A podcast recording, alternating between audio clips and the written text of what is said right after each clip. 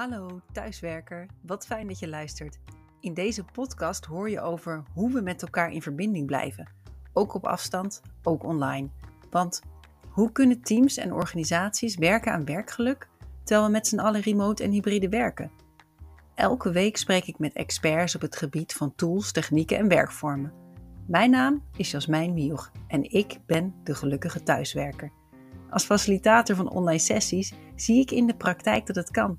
Jezelf zijn, bevlogen zijn, een team zijn, ook in online tijden. Welkom bij de gelukkige thuiswerker. Ineens kon het wel, terwijl we daarvoor zeiden dat het onmogelijk was. Geen files meer, thuiswerken met z'n allen, online evenementen. Voor die enorme omslag hadden we alleen wel eerst een crisis nodig, een wereldwijde pandemie. Vandaag spreek ik met Rico Bakker over de kracht van een slecht idee. Hoe crisis van invloed zijn op creativiteit. En het goede nieuws is, ook zonder een echte wereldwijde crisis kun je goede ideeën genereren. Van harte welkom Rico. Dankjewel, Jasmijn. Ja, wat fijn dat wij hier nu vandaag online met elkaar kunnen vergaderen in Zoom. Dat was voor de pandemie echt ondenkbaar geweest. Dan hadden we een podcast zeker live in de studio opgenomen. Wat denk jij? Ja, dat denk ik ook. En dan is ook nog de hel dat ik in Groningen woon. En ik vind het fantastisch om in Groningen te wonen. Maar ik moest voor elke voorbespreking van ieder event inderdaad 2,5 uur in de auto zitten. En uh, tegenwoordig doen we dat gewoon online. Dus dat is wel uh, een... Uh, een verademing. Ja. ja, een verademing. Ja, zeker. Ja. Hadden we ons vier jaar geleden echt niet kunnen, kunnen voorstellen. Jij nee. hebt, Rico, een heel boek geschreven over de kracht van een slecht idee. Nou ja, een pandemie is misschien niet echt een idee. Maar zou jij dit wel een voorbeeld noemen van een slecht idee, zo'n pandemie? Ja, ja, dat wel. Uh, in de zin van, ja, wat je zegt, het, het, is natuurlijk geen slecht idee, want het is niet echt bedacht. Tenminste, ik geloof niet dat iemand dit uh, bedacht We hopen heeft. het van niet. We, ja. hopen, we hopen van niet. Uh, maar het is, het is natuurlijk wel zo dat het, het heeft ons heel veel narigheid gebracht. Maar daarnaast heeft het ook gezorgd voor een aantal innovaties, veranderingen die heel goed zijn of heel fijn kunnen zijn.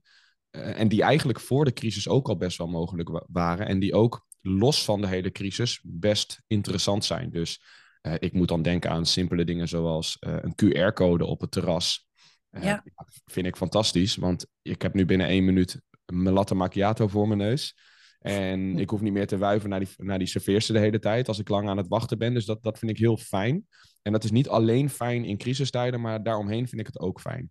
Ja, dan ja. heb je nog wel eens mensen die zeggen dan van ja, maar dan uh, raakt de persoonlijke touch weg. Nou, ik denk dat dat niet zo is, want je kunt dan juist meer tijd besteden weer aan andere dingen. Dus ik denk als we naar dit soort veranderingen kijken op een goede manier, dan kun je dus echt, uh, um, nou ja, dan kun je, dan kun je dat ook echt blijven toepassen, los van een pandemie of los van een crisis. Ja, ja, ja als je dat noemt, dat voorbeeld van de QR-code, dan denk ik, oh, ik weet helemaal hoe dat werkt, want we gaan wel eens zwemmen en dan wil je misschien iets drinken bestellen bij het zwembad. En ik was twee jaar geleden was ik in een zwembad en hadden ze duidelijk geen QR-code. En het was echt een uur wachten totdat je een keer iets mocht bestellen. Met al die gezinnen ja. en die families. Het was echt verschrikkelijk. En nou, een halfjaartje geleden was ik op een ander zwembad en dan was inderdaad QR-code en hup werd gebracht. En klaar was je. Dat, wat een verademing. Ja, super, Wat dat betreft ja. hadden we kennelijk die crisis nodig om tot deze innovatie te, nodig te, te komen, of niet? Nou, ik denk, ik denk dus van niet. Ik denk niet dat we een crisis nodig om creatief te, uh, hebben om creatief te zijn. Want je kunt dit soort dingen ook als een gedachte-experiment doen. Want wat er eigenlijk gebeurd is in zo'n crisis, is dat we ineens zeggen: uh, hoe kunnen we horeca uitvoeren zonder uh, contact? Hè? Of op afstand? Of hoe kunnen we horeca uitvoeren zonder personeel? Dat zijn vragen waar we ineens tegenaan liepen. En die vragen kun je ook stellen wanneer je uh, niet tegen een crisis aanloopt. En een, en een manier om dat te doen is door eens te kijken wat zijn nou mijn aannames over hoe de wereld in elkaar zit. En in, in dit geval misschien hoe werk in elkaar zit. Dus hoe gaan wij te werk? En op het moment dat je die aannames op een rijtje zou zetten, dus als we het hebben over een restaurant, dan gaat het om tafel, tafel stoelen, een keuken, um, personeel, et cetera. Dan is het heel interessant om de meest essentiële aannames daarvan eens weg te nemen. En te kijken van, hey, hoe zou de wereld er dan uitzien als dat er niet meer zou zijn? En ik denk dat dat een vorm van een crisis is die je als een gedachte-experiment kan inzetten, waardoor je jezelf dwingt om buiten gebaande kaders te gaan en op nieuwe ideeën te komen. Dus ik, ik denk niet dat we een crisis nodig hebben. Nou, dat is denk ik heel erg geruststellend, dat we niet steeds echt in de crisis moeten zitten om verder te komen. Nou heb ik het geluk gehad om jou live in actie te zien. Bij het Liefde voor Leren Festival was jij keynote speaker, ik was dagvoorzitter. En jij nam de zaal mee in zo'n gedachte-experiment van kom maar met een probleem en ga met elkaar het allerslechtste idee uh, verzinnen. Om zo weer eigenlijk tot innovatie te komen. En nou, ik verzin het ter plekke. We hebben het net niet uh, bedacht. Maar jij zegt laten we het over innovatie op de werkvloer hebben. Als je kijkt naar werk in Nederland, is, uh, ja, zijn wij kampioen vergaderen. Ja. En iedereen vindt dat eigenlijk een slecht idee. -hmm. nutteloze mensen zitten andere dingen te doen tijdens vergaderingen. Er gaat onwijs veel tijd in. ik, geloof, ik weet niet wat de cijfers waren, maar ik geloof wel 60% van sommige mensen hun tijd gaat naar vergaderen. Stel je voor als wij nu een slecht idee noemen en zeggen: je mag helemaal niet meer vergaderen. Hoe kun je dan, of nou het probleem is eigenlijk vergaderen, en een van de slechte ideeën zijn helemaal niet meer vergaderen. Hoe kunnen we dan dat creatieve proces op gang krijgen?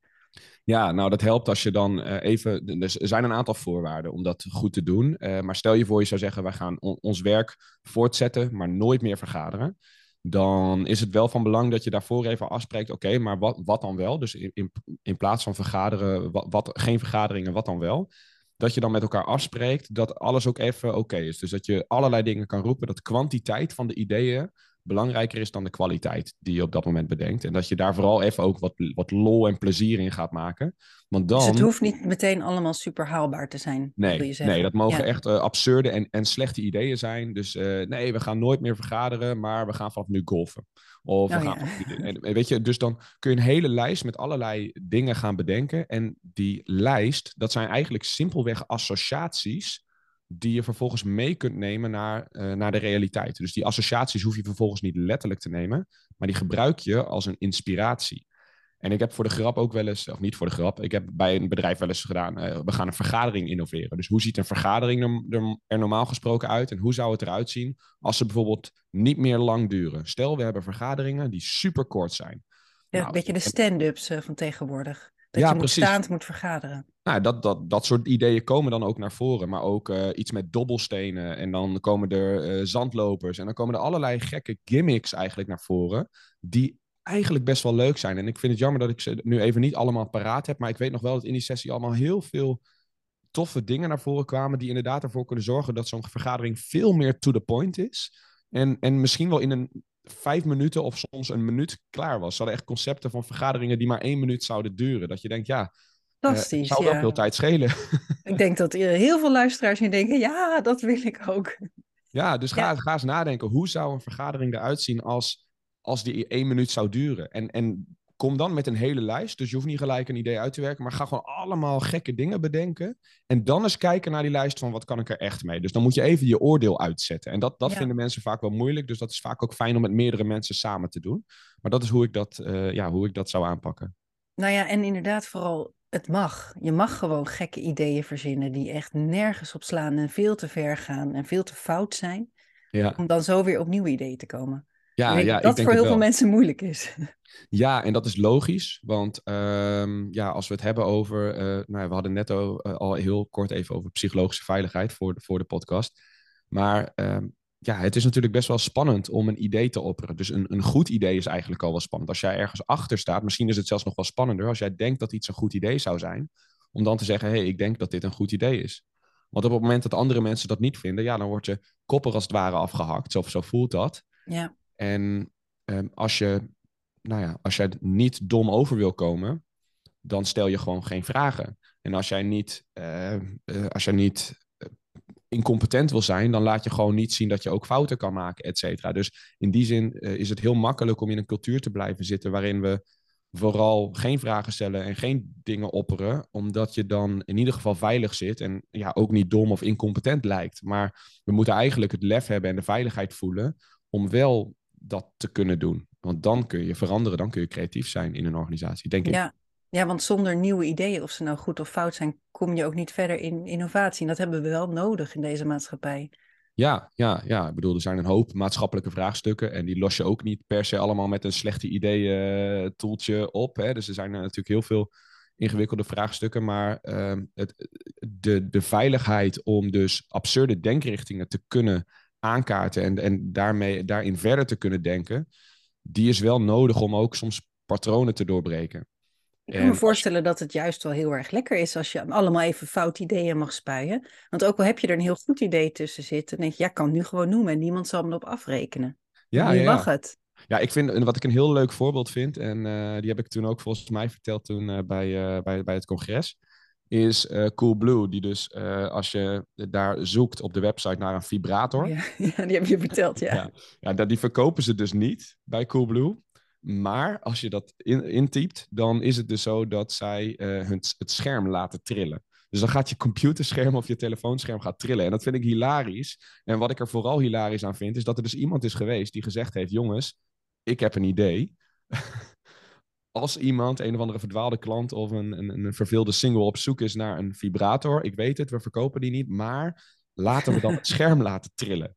Nou ja, en het past wel bij hun slogan alles voor een glimlach. Want iedereen die jij dit vertelt moet waarschijnlijk lachen. Ja, juist. Ze doen echt, maar ze doen ook echt alles voor een glimlach. Terwijl ik had laatst iemand uh, voor de deur die, uh, uh, die, die een bezorging deed. Dat was een, mijn oordopjes van Samsung. En die waren gerepareerd en die werden bezorgd. En die gast die geeft mij mijn oordopjes. Hij draait zich om. En dan zie ik op zijn polo staan, meer dan bezorgen.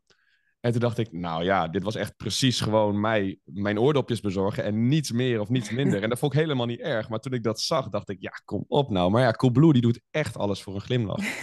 en uh, nou ja, goed. Dus, dus, eh, maar dat, dat geeft dus, ze hebben gewoon daar blijkbaar dus ook echt de veiligheid en de ruimte om gewoon... Dit soort hele rare ideeën te opperen. Want wie zou dit nou durven opperen, zo'n gek idee? Ja, ja en dus. iedereen is fan.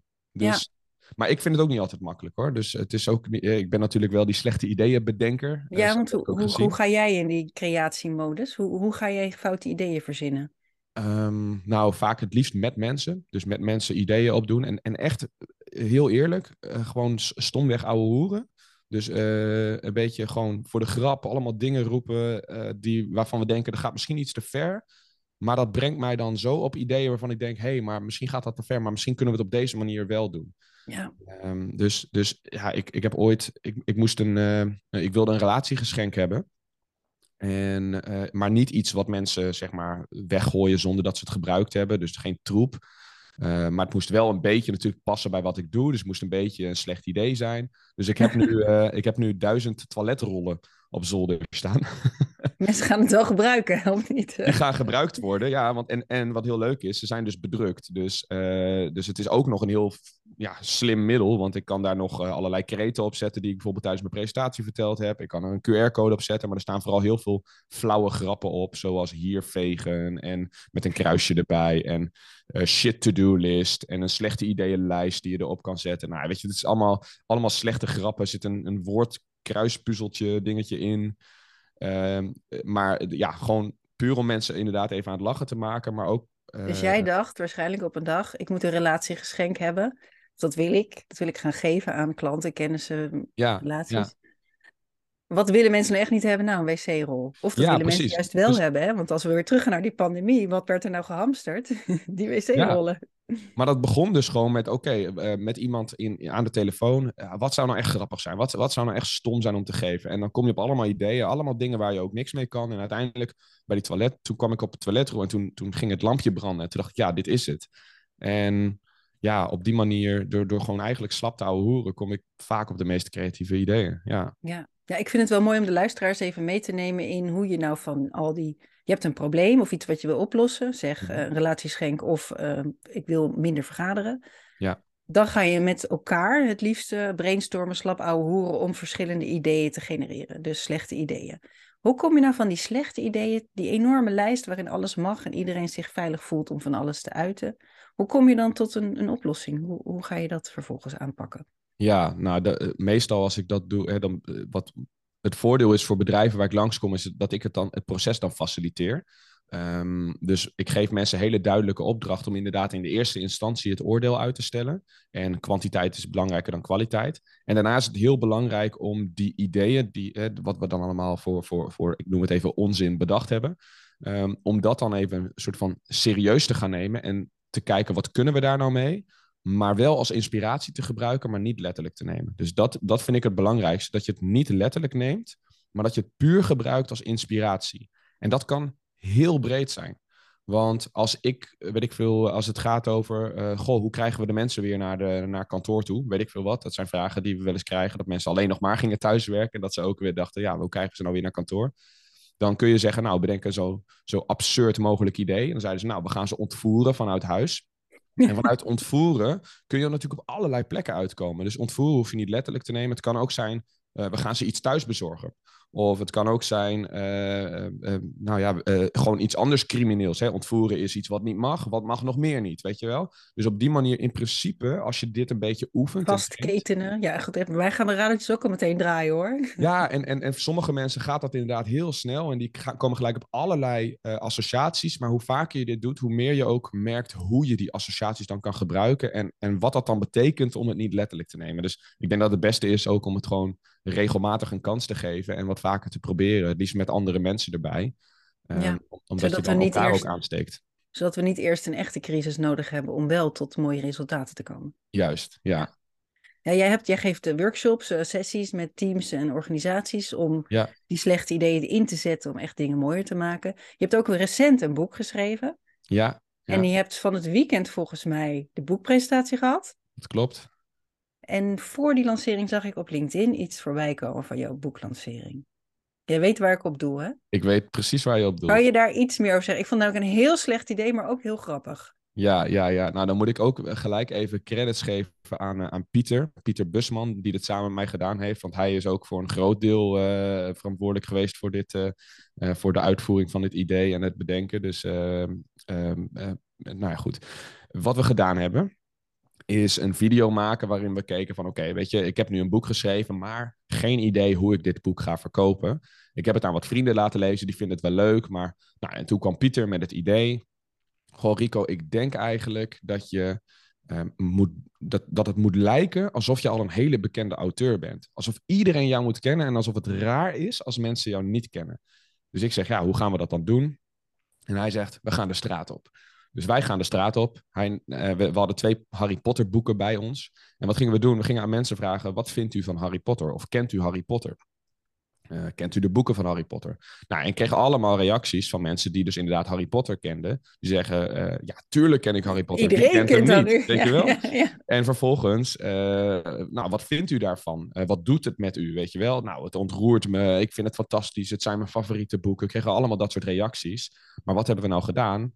die reacties hebben wij gebruikt met een kleine tweak, een kleine edit, waarin wij vragen, kent u Rico Bakker al?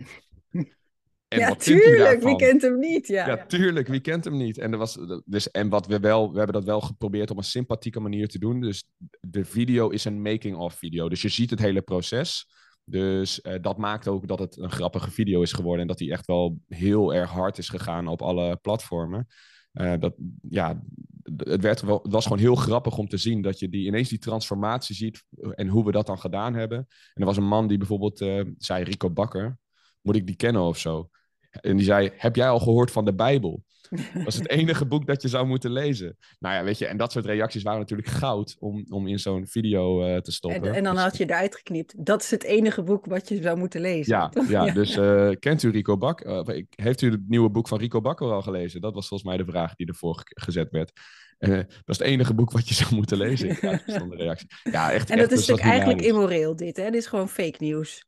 Ja, dus daarom, kan het, daarom is het eigenlijk gewoon een ontzettend slecht idee. Het was ook een ontzettend slecht... Ik vond het ook best wel spannend, eerlijk gezegd. Hoor. Kan Want ik, me ik, ik deed de edit ja. niet zelf, dus ik was heel benieuwd hoe het eruit kwam, zou komen.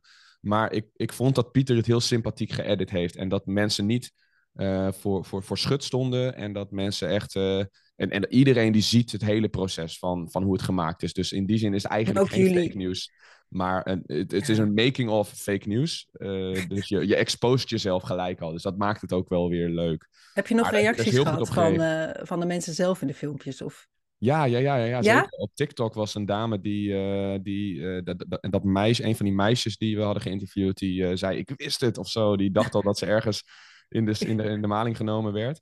Dus die, um, die, die had gereageerd. En ik, ja, want het nog erger is, in dat filmpje laten jullie ook, geven jullie ook mensen, zeggen je, neem die Harry Potter even in handen of zo. Maar dan doen Ja, we heel ja, ja. snel, geven jouw boek in handen. Dat is helemaal sneaky. Ja, ja, ja. Dus, dus, dus de mensen stonden naast mij en dan was Pieters aan het afleiden. Die zei, ja, even goed in de camera kijken. En dan zei ik, oké, dan geef ik je het boek aan. En dan mag je even nog een keer zeggen wat je ook alweer van het boek eh, vindt. En dan gaf ik ze inderdaad, had ik mijn boek daarachter. En dan gaf ik ze mijn boek. En dan stonden ze dus Oh. inderdaad zo met mijn boek. Ja, dat was echt hilarisch. En één, één eh, dame die geïnterviewd was, ik hoorde dus op de boeklancering dat iemand die kende. Dus die Oh. haar eh, een, een, eh, zeggen van, hey, eh, Je staat erop hoor. ja, ze zei, Ja, mag ik dat is- tegen haar zeggen? Ik zei, ja, tuurlijk mag je dat tegen haar zeggen. Hartstikke leuk. Het is een ontzettend slecht idee, wel goed uitgevoerd. En het heeft je ook opgeleverd wat je wilde. Veel publiciteit voor je, de kracht van een slecht idee. Ja, ja, ja, zeker. Ik denk dat, die, dat, dat zeg maar totaal alle videopromotie is echt wel de- een half miljoen keer bekeken.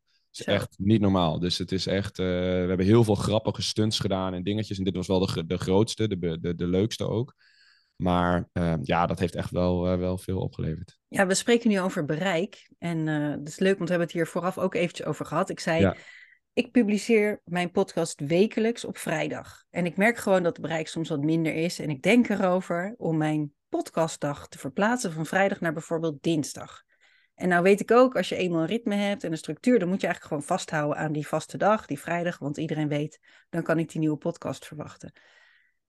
En ik denk, wat kan ik nou doen om dat bereik van die vrijdag wat omhoog te krikken? Dus dat is mijn probleem. Mijn, mijn vrijdag, de vrijdagpodcastdag, eigenlijk wil ik daar vanaf, maar ik weet het niet zeker. Hoe kunnen Ja. we nou ideeën genereren, slechte ideeën, om te zorgen dat dat bereik omhoog gaat? Nou, je kan het nu al als een soort van een, een hybride vorm zien. Dat je zegt, nou, ik, ik blijf hem op vrijdag lanceren, maar ik doe gewoon mijn post op andere momenten. Want ja, wie zegt dat jouw eh, post of jouw, jouw uitingen Zelfde tegelijk dag. moeten zijn met dat die online komt te staan? Dat, Heb ik eh, echt serieus niet over nagedacht dat dat kan. Ik denk, vrijdag moet ik publiceren, vrijdag moet ook die Ja. LinkedIn-post en alles eruit.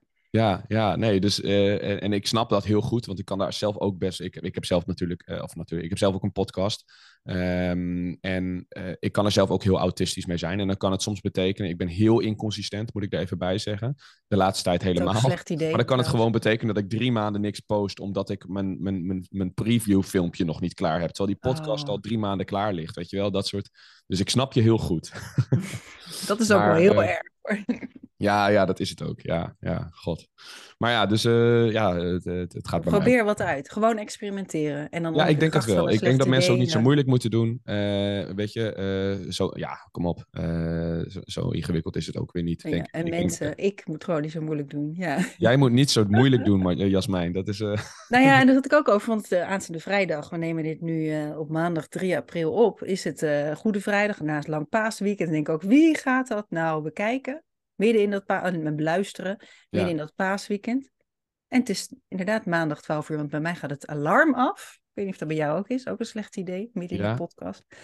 Maar um, het grappige is dat wij het er ook over hadden, dat ik in de kerstvakantie bijvoorbeeld twee LinkedIn-posts had geschreven die supergoed deden. Dus het hoeft helemaal niet zo te zijn dat mensen in hun lange vrije weekend niet online zijn en niet geïnteresseerd zijn in luisteren.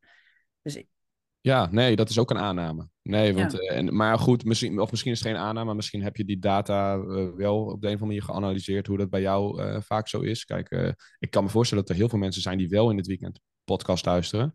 Ik luister het zelf meestal in de auto als ik podcast luister, maar dat, ja, dat verschilt denk ik ook heel erg. Dus ja, zeg het maar. ja. Ja, ik weet ook niet. Ja, toevallig heb ik laatst, vrijdag was ik eh, naar Pakhuis de Zwijger om daar te spreken. En toen kwam ik s'avonds laat in de trein. Toen dacht ik, ik heb nergens meer zin in. Weet je wat, ik ga podcasts van anderen luisteren. Dat is ook wel eens Ja. leuk. Dan heb ik gewoon s'avonds, vrijdag om eh, half twaalf lopen luisteren. Ja, je zou het ook niet verwachten. Maar... Nee, nee nou, en je projecteert soms ook je eigen gedachten op, op anderen. Hè? Dus ik, ik heb een hekel aan, of een hekel valt wel mee, maar ik, ik, ik, ja, ik lees nieuwsbrieven nooit. Dus ik ga niet een nieuwsbrief lezen over het algemeen. Ik, ik blader er heel soms eens doorheen, maar dat is het ook wel. Dus dat is ook de reden dat ik zelf geen nieuwsbrief maak. Terwijl het eigenlijk heel erg, heel erg een projectie is van hoe ik ermee omga. Uh, maar er zijn misschien mensen die een nieuwsbrief heel leuk vinden om af en toe uh, binnen te krijgen. En om Ik dingen daardoor mee ja. te krijgen. Dus dat, ja, dat is ook gewoon een beetje hoe we dan uh, ons eigen perspectief kunnen projecteren ja. op anderen. En ik denk dat dat ook weer precies is waar onze luisteraars nu iets aan hebben. Want iedereen zal zo de eigen aannames hebben van dit is hoe we het altijd doen of dit is hoe ik het fijn vind. En dat kun je gewoon loslaten en experimenteren met andere ideeën en gedachten. En wat is nou het ergste dat er zou kunnen gebeuren? Dat vind ik ook altijd uh, een, interessante vraag. ook vaak als mensen ZZP'er worden, en dat is natuurlijk super spannend als je voor het eerst gaat ondernemen of als je voor het eerst iets nieuws gaat doen. Uh, maar wat is nou het ergste dat er zou kunnen gebeuren? Nou, in dat geval bijvoorbeeld dat je een baan moet zoeken. Uh, dat je weer, weer werk moet vinden. En, en ik denk voor heel veel mensen dat dat, uh, zeker met, met de huidige arbeidsmarkt, ja. dat goed te doen is. Dus uh, dat is, ja, wat is nou het ergste dat er kan gebeuren als je je podcast een paar dagen later publiceert?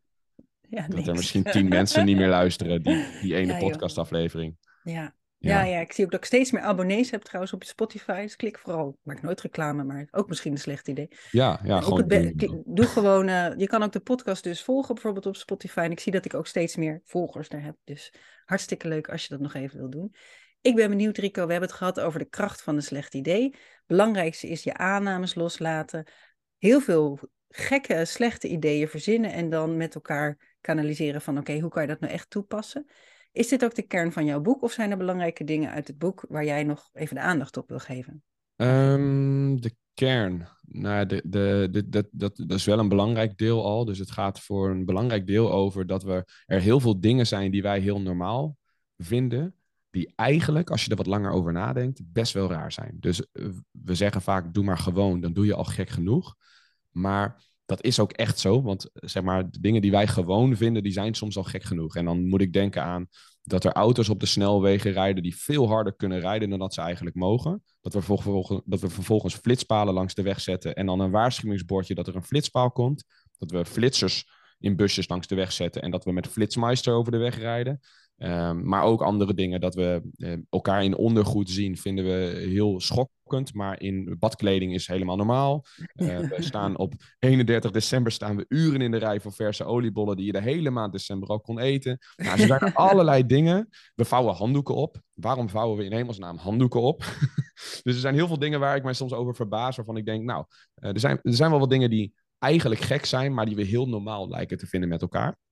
Um, en anderzijds uh, en dat is de andere kant van het boek, zijn er heel veel dingen die we heel absurd vinden, die we raar vinden, die we misschien dom vinden, uh, noem maar op. Uh, absurde denkrichtingen, slechte ideeën, domme vragen, die ons heel erg kunnen helpen om juist creatief te zijn en ook een spiegel voor te houden.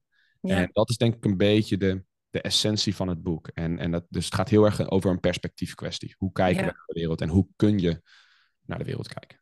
Ja, ik vind het heel mooi dat je dit noemt, want een van de eerdere podcastgasten, volgens mij ken je haar ook, is Saima Kuipers. Ja? En zij heeft het boek geschreven, of zij is daarmee bezig. Ze ja, heeft ja, gewoon een keynote over, het is hier net een kleuterklas. Ja. En zij vertelt over wat we nou eigenlijk van kinderen kunnen leren. Dat die ook nog zo nieuwsgierig zijn, allemaal waarom vragen stellen. Uh, nou ja, de kleuters kunnen ons ontzettend veel leren. En eigenlijk zeg jij nu ook een pleidooi om eens te luisteren naar de dingen die je niet, die je niet normaal vindt, maar het misschien wel zijn. En je andere dingen af te vragen. En dat is precies wat kleuters natuurlijk ook doen. Ja, we komen natuurlijk in allerlei vormen en maten uh, steeds meer kaders tegen. En, en, en, en dat is op zich oké. Die kaders zijn helemaal geen, uh, geen, geen vijand. Maar we leren wel heel vaak uh, hoe we dingen moeten doen. We leren in mijn ogen misschien ook wel te veel wat we moeten weten. En te weinig hoe we kunnen denken. Dus op school krijgen we heel veel kennis tot ons. En ook als we aan het werk gaan, we krijgen maniertjes. We leren gewoon hoe de wereld werkt. Uh, maar ja, in mijn ogen zouden we veel meer mogen leren hoe, hoe we denken en hoe we anders kunnen denken. En, maar ook, weet ik veel, psychologie en, en filosofie. En gewoon me meer uh, skills dan per se dat we de kennis uh, heel erg paraat moeten hebben. En dat we, nou ja, goed. Dus, uh, ik vind het heel dat, prachtig. Ja, heel mooi dat je dit zegt. Toevallig ben ik in mei ergens uh, dagvoorzitter bij een onderwijsdebat voor docenten van de universiteit. Ja. En daar gaat een van de, we hebben net de stellingen voorbereid. Een van de stellingen is ook, we moeten, transferable skills zijn belangrijker dan kennis. Nou, dat is natuurlijk best wel shocking binnen wetenschappelijk onderwijs. Want ja, het gaat allemaal over kennis en over onderzoek en dat soort dingen. Maar wat ik jou hoor zeggen en waar ik zelf ook in geloof, je moet ook leren hoe je die kennis kunt opdoen. Je moet leren hoe je ermee omgaat. Ja. Leren, leren, uh, filosoferen, creatief, innovatief denken. Ik denk een ontzettend belangrijke skill om ook weer verder te komen in de wereld. Ja, en het grappige als je mensen vraagt, wat had je nou willen leren op de middelbare school? Dan zijn dat vaak inderdaad dit soort thema's. Communicatie. Uh, ik zou wat inderdaad willen leren over mensen. Ik zou wat willen leren over uh, filosofie. Ik had wat beter willen begrijpen hoe de maatschappij werkt of zo. En, en dat. En wat heel, ja, wat ik gewoon echt niet kan begrijpen, en we hadden het eerder over eh, LinkedIn, hè, dus eh, dat eh, het gaat allemaal niet om dat je, weet je veel, honderdduizend likes hebt, maar tegelijkertijd, als je er veel tijd in steekt, dan is het fijn als het bereik heeft. Hè? Dus dat, dat is, ja, als je er dan toch iets op zet, dan is het ook fijn dat het gezien wordt. En datzelfde denk ik met school. Als we dan zoveel tijd steken in onderwijs, zoveel uren op school zitten, dan is het ook fijn dat daarvan iets beklijft. En ik denk dat ik super super veel dingen geleerd hebben, heb die ik, niet meer, die ik gewoon echt niet meer weet. Ik denk als het gaat om geschiedenis, aardrijkskunde, uh, dat ik zoveel dingen geleerd heb die ik niet meer weet, dat ik mij afvraag of het niet beter zou zijn om 10% van die kennis heel goed over te brengen, dan 100% van die kennis waarvan 1% blijft hangen. En dat is een vraag die ik nou ja, mij natuurlijk mezelf als spreker ook vaak moet stellen, maar waarin ik wel kritisch kan zijn op onderwijs. Uh, dat ik denk, ja, weet je, heeft het dan wel zin? Ja. ja over al die kennis. Ja, het is denk ik een heel, hele mooie discussie waard. Daar is de podcast vandaag helaas uh, te, te kort voor. We zijn ook al een beetje richting het einde. Ik heb natuurlijk ook het standaardvragen. En een van mijn vragen is, uh, Rico, ben jij zelf een gelukkige thuiswerker? En als ik jou aan het begin al vroeg, jij zit lekker in Groningen vanaf ja. die thuiskantoor volgens mij. Dan is het antwoord waarschijnlijk ja. Ja, maar. Ja, en... De vraag is ook een beetje, wat is thuis? ja, ja. Ehm, want, want ik, uh, ik, ik, ik vlucht ook vaak het huis uit, omdat ik thuis uh, vaak ook andere dingen kan gaan doen. Dus ik kan mezelf makkelijk afleiden thuis. Dus ik ga vaak naar een andere plek. Ik vertelde je er eerder al over de Social Hub. Dat is mijn favoriete plek om te werken. Maar dat voelt ook als thuis. Dus dat is toch een beetje thuiswerken, maar dan op een andere plek. Dus ik zie thuiswerken ook niet alleen maar als niet op kantoor zijn, maar ook gewoon op andere plekken zijn dan op kantoor. Uh, En in die zin ben ik een hele gelukkige thuiswerker. En ik ben vooral heel gelukkig dat ik regelmatig dat ik kan thuiswerken wanneer ik dat wil. Dus de, de mogelijkheid om thuis te kunnen werken, daar ben ik heel gelukkig mee. Ja, ja. ja wat jij eigenlijk benoemt, uh, dat is wat een van mijn eerdere gasten tribride werken noemt. Dus werk op de werkplek die voor jou uitkomt. Of dat nou op kantoor is, thuis of op een derde werkplek zoals de cowork space. Hoe noemde je hem ook weer? Ja, de TSH, de Social Hub. Ja. De Social Hub, die niet alleen in Groningen is trouwens, maar ook in Delft en Den Haag. Dus als je geïnteresseerd bent, ga daar vooral uh, kijken, zou ik zeggen. Ja, en nog veel meer plekken. Nog veel uh, meer plekken. Ja. ja, ja, nee, dus dat, dat, ja, dat is. Uh, ik weet, en tribride? Ik, ik, ik, ja, dat is een term die, die zij noemde. En nou ben ik even ik zit even te denken hoe die opgebouwd is. Ja, hybride, niet hybride, dus zowel op kantoor als thuis, maar tribride. Dus op ja, dus nog een derde, ja, precies. De derde werkplek, dus ergens in een social hub bijvoorbeeld. Ja, precies. Ja, of waar dan ook. Ja, ja, dus dat. dat gelukkige thuiswerker, uh, ja, deels dus. En uh, nou ja, een van de andere vragen die ik stel is, heb je nog boekentips of podcasttips? We hebben natuurlijk uitgebreid stilgestaan bij de kracht van een slecht idee. Zijn er nog meer boeken die jij onder de aandacht wil brengen? Ja, ik zit er al eigenlijk tijdens het gesprek, want ik wist dat je die vraag ging stellen, een beetje over na te denken wat mijn boekentip is. Maar weet je wat het lastige is? Ik, ik lees heel weinig boeken uit. Dus ik vind het heel moeilijk om een boek uit te lezen. Maar ik kan, uh, ik, mag ik er een paar uh, even Nou, ik moet meteen zeggen, je hoeft boeken ook niet uit te lezen. Hè? Dat is ook zo'n aannemen. Ja, je kunt er ook uithalen wat je, wat je wil. Ja, dat is waar, dat is waar. Uh, ik, ik vind in ieder geval The Myths of Creativity vond ik een heel interessant boek. Dus de mythes van de creativiteit. Um, en uh, ik vind een boek van twee vrienden van mij, vind ik ontzettende aanrader, Bedrijf Bami Schrijf. En dat gaat over uh, hoe je van zinnig organiseren, nee, van, van onzinnig bedrijfje spelen naar zinnig organiseren gaat. En um, nou ja, weet je, er staan allemaal mooie verhalen in van, van hun en, en wat zij meegemaakt hebben in een bedrijf waar zij, wat Cedric heeft opgezet. Waar ze bijvoorbeeld onbeperkt vakantiedagen hebben, waar je jezelf mag aannemen, je eigen salaris bepaalt. En nou ja, wat dat allemaal met zich meebracht, wat het opgeleverd heeft, maar wat ook de valkuilen zijn. Nou, dus dat soort thema's. Dat vond heel ik leuk. Dat zijn ook allemaal slechte ideeën van uh, zoveel vrije dagen opnemen als je wil. En als je het gaat uitproberen in praktijk, blijkt het best wel heel goed uit te pakken. Ja, en een mega slecht idee om je boekbedrijf Bami Schrijf te noemen natuurlijk. Maar dat is... ja. Dan eh, ben ik aangeland bij de laatste vraag van deze podcast, Rico. We hebben het eh, over ontzettend veel verschillende dingen gehad, maar vooral over de kracht van een slecht idee. Hoe je eigenlijk crisis niet nodig hebt om innovatie te krijgen door zelf creatief na te denken. En als jij kijkt naar werk in Nederland, waar deze podcast toch ook voor is, en je kijkt naar pakweg over vijf of misschien tien jaar, wat gun jij werkend Nederland dan? Waar staan we dan met z'n allen? Ehm, ja, dat is een hele goede vraag. Ehm, en breed. Ik zou, ik zou mensen gunnen dat, of, de werkend Nederland zou ik gunnen, dat er ruimte is voor lucht. Dus dat er dat luchtigheid, dat er humor eh, mag zijn en dat we onszelf niet altijd te serieus nemen. Dus uh, ik denk dat mensen je pas serieus gaan nemen als uh, je jezelf niet te serieus neemt. En dat heb ik uh, stiekem gejat van Jos Burgers, die dat wel eens gezegd heeft. Maar ik geloof dat dat waar is. Dus ik, geloof, ik denk dat dat iets is wat ik werk in Nederland wel echt gun. Dat we... Oh, dat is echt een prachtige missie.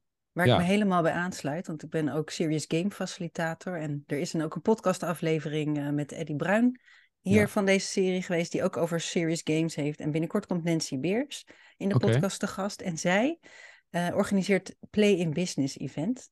Het is op 30 juni, waar ik zelf ook een workshop mag geven. En dat gaat helemaal over lucht, humor, speelsheid binnen organisaties. Ja. Die tip wil ik even meegeven. Het is echt ontzettend leuk.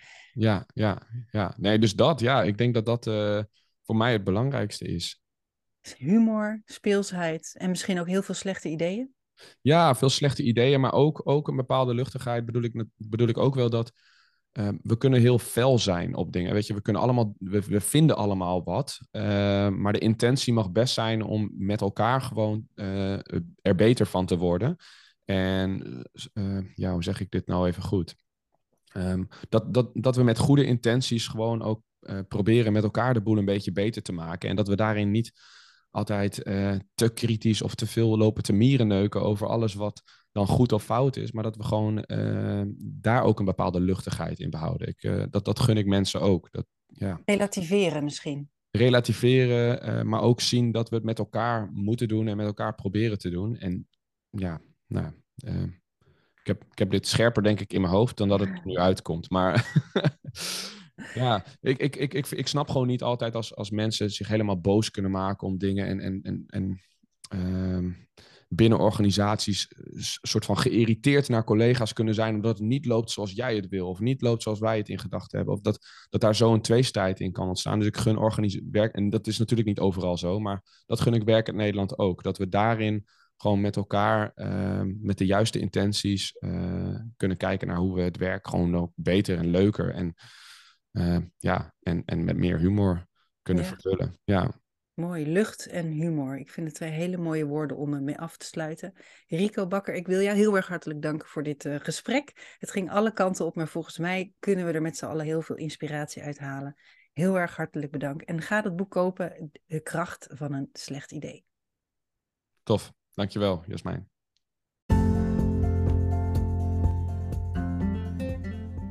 Dank je wel voor het luisteren naar De Gelukkige Thuiswerker.